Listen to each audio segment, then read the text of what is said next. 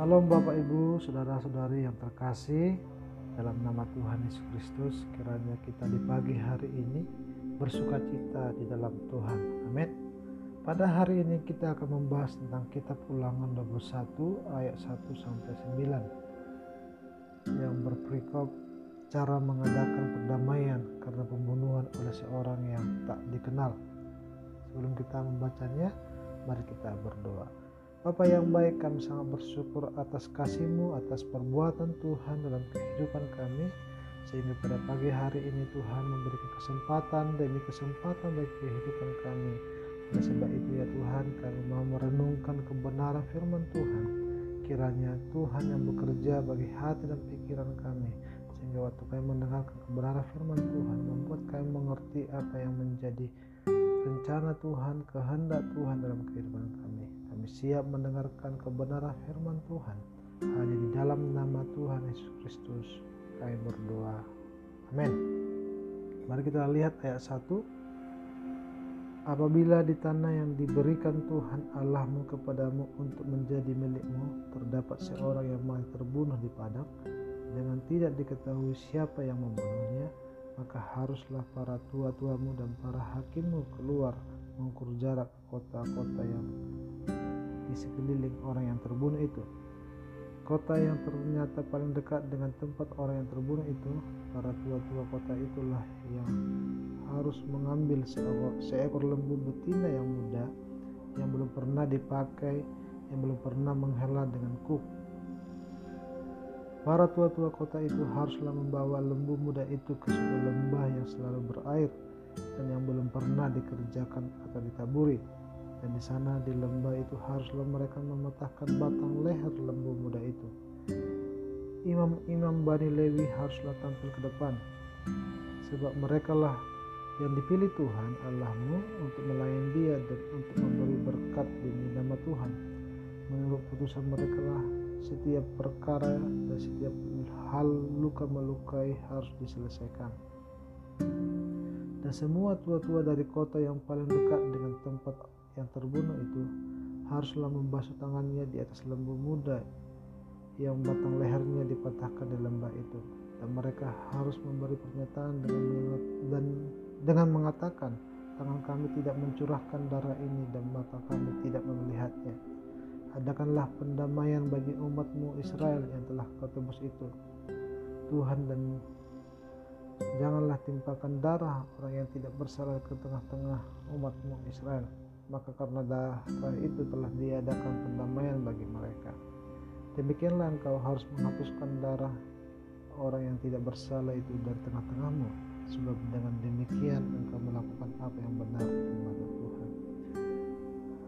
Kalau kita lihat dari ayat 1, konteks ini berbicara mengenai menyucikan tanah bila seorang yang dibunuh ditemukan di lapangan terbuka, jauh dari kota mana pun.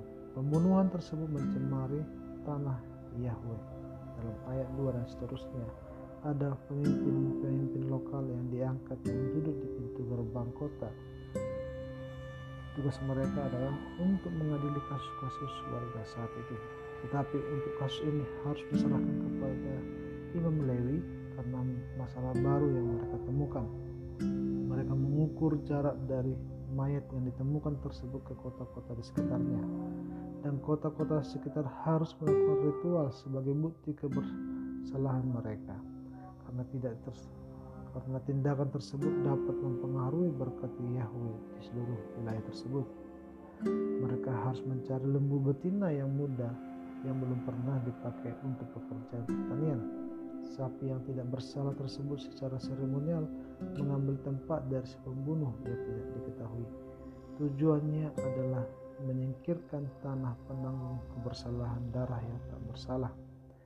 Imam-imam Bani Lewi haruslah tampil ke depan untuk memberi berkat dengan nama Tuhan, karena mereka adalah dipilih Tuhan Allahmu untuk melayani Dia. Berkat tersebut berhubungan dengan pemeliharaan perjanjian Israel. Setiap tua-tua yang dekat dengan kota tempat terbunuh itu haruslah membasuh tangannya di atas lembu ini adalah lambang penyucian. Mereka yang mewakili seluruh masyarakat untuk menyingkirkan rasa bersalah tersebut jauh dari desa dan daerah itu. dan seterusnya Bapak Ibu kalau kita lihat dari teks ini ada poin atau sebagai aplikasi yang kita ambil dari teks tersebut yang pertama adalah Allah mengajarkan kepada kita atau kepada mereka pada saat itu bahwa Allah sangat menghargai kehidupan setiap individu atau bahwa setiap individu sangat berharga di hadapan Tuhan. Perlu kita ketahui setiap individu sangat-sangat berharga di hadapan Tuhan. Oleh sebab itu, kita tidak boleh terlepas setiap individu secara tidak adil kita harus saling menghargai karena Tuhan sendiri sudah mengajarkan kepada kita bahwa Tuhan sendiri yang menciptakan manusia. Dia sangat menghargai manusia tersebut. Oleh sebab itu dalam kasus ini di mana ada orang yang terbunuh dan tidak diketahui siapa orangnya Tuhan mengajarkan bahwa mereka harus menghargai. Oleh sebab itu mereka harus melakukan seremonial bahkan mereka harus mempersembahkan sapi muda yang belum pernah dipakai untuk pertanian sebagai tanda bahwa mereka harus menyucikan diri mereka dari rasa bersalah tersebut. Oleh sebab itu, Bapak Ibu sudah saudara terkasih, kita ini adalah ciptaan Tuhan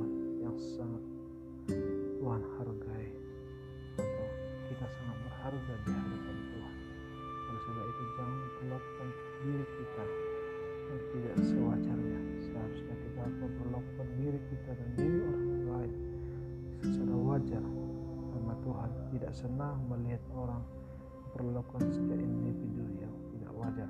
Yang kedua, Bapak Ibu sudah sangat terkasih, yang saya temukan di sini adalah Allah akan bertindak bagi orang yang dilukai bahkan terbunuh.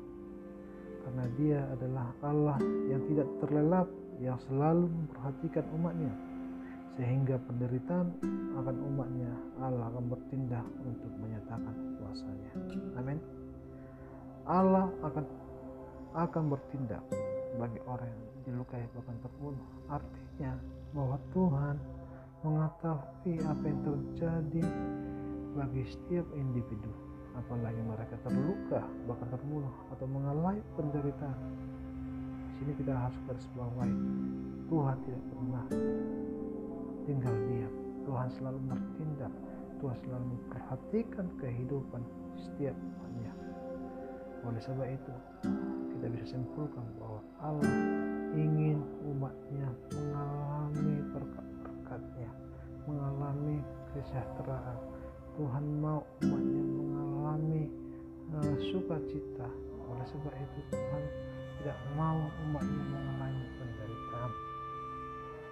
Kita melihat di sini di kepedulian kepedulian Allah kepada kita, di mana kasih Allah yang begitu besar kita, di mana kasih Allah yang tidak terukur yang selalu dinyatakan dalam kehidupan kita.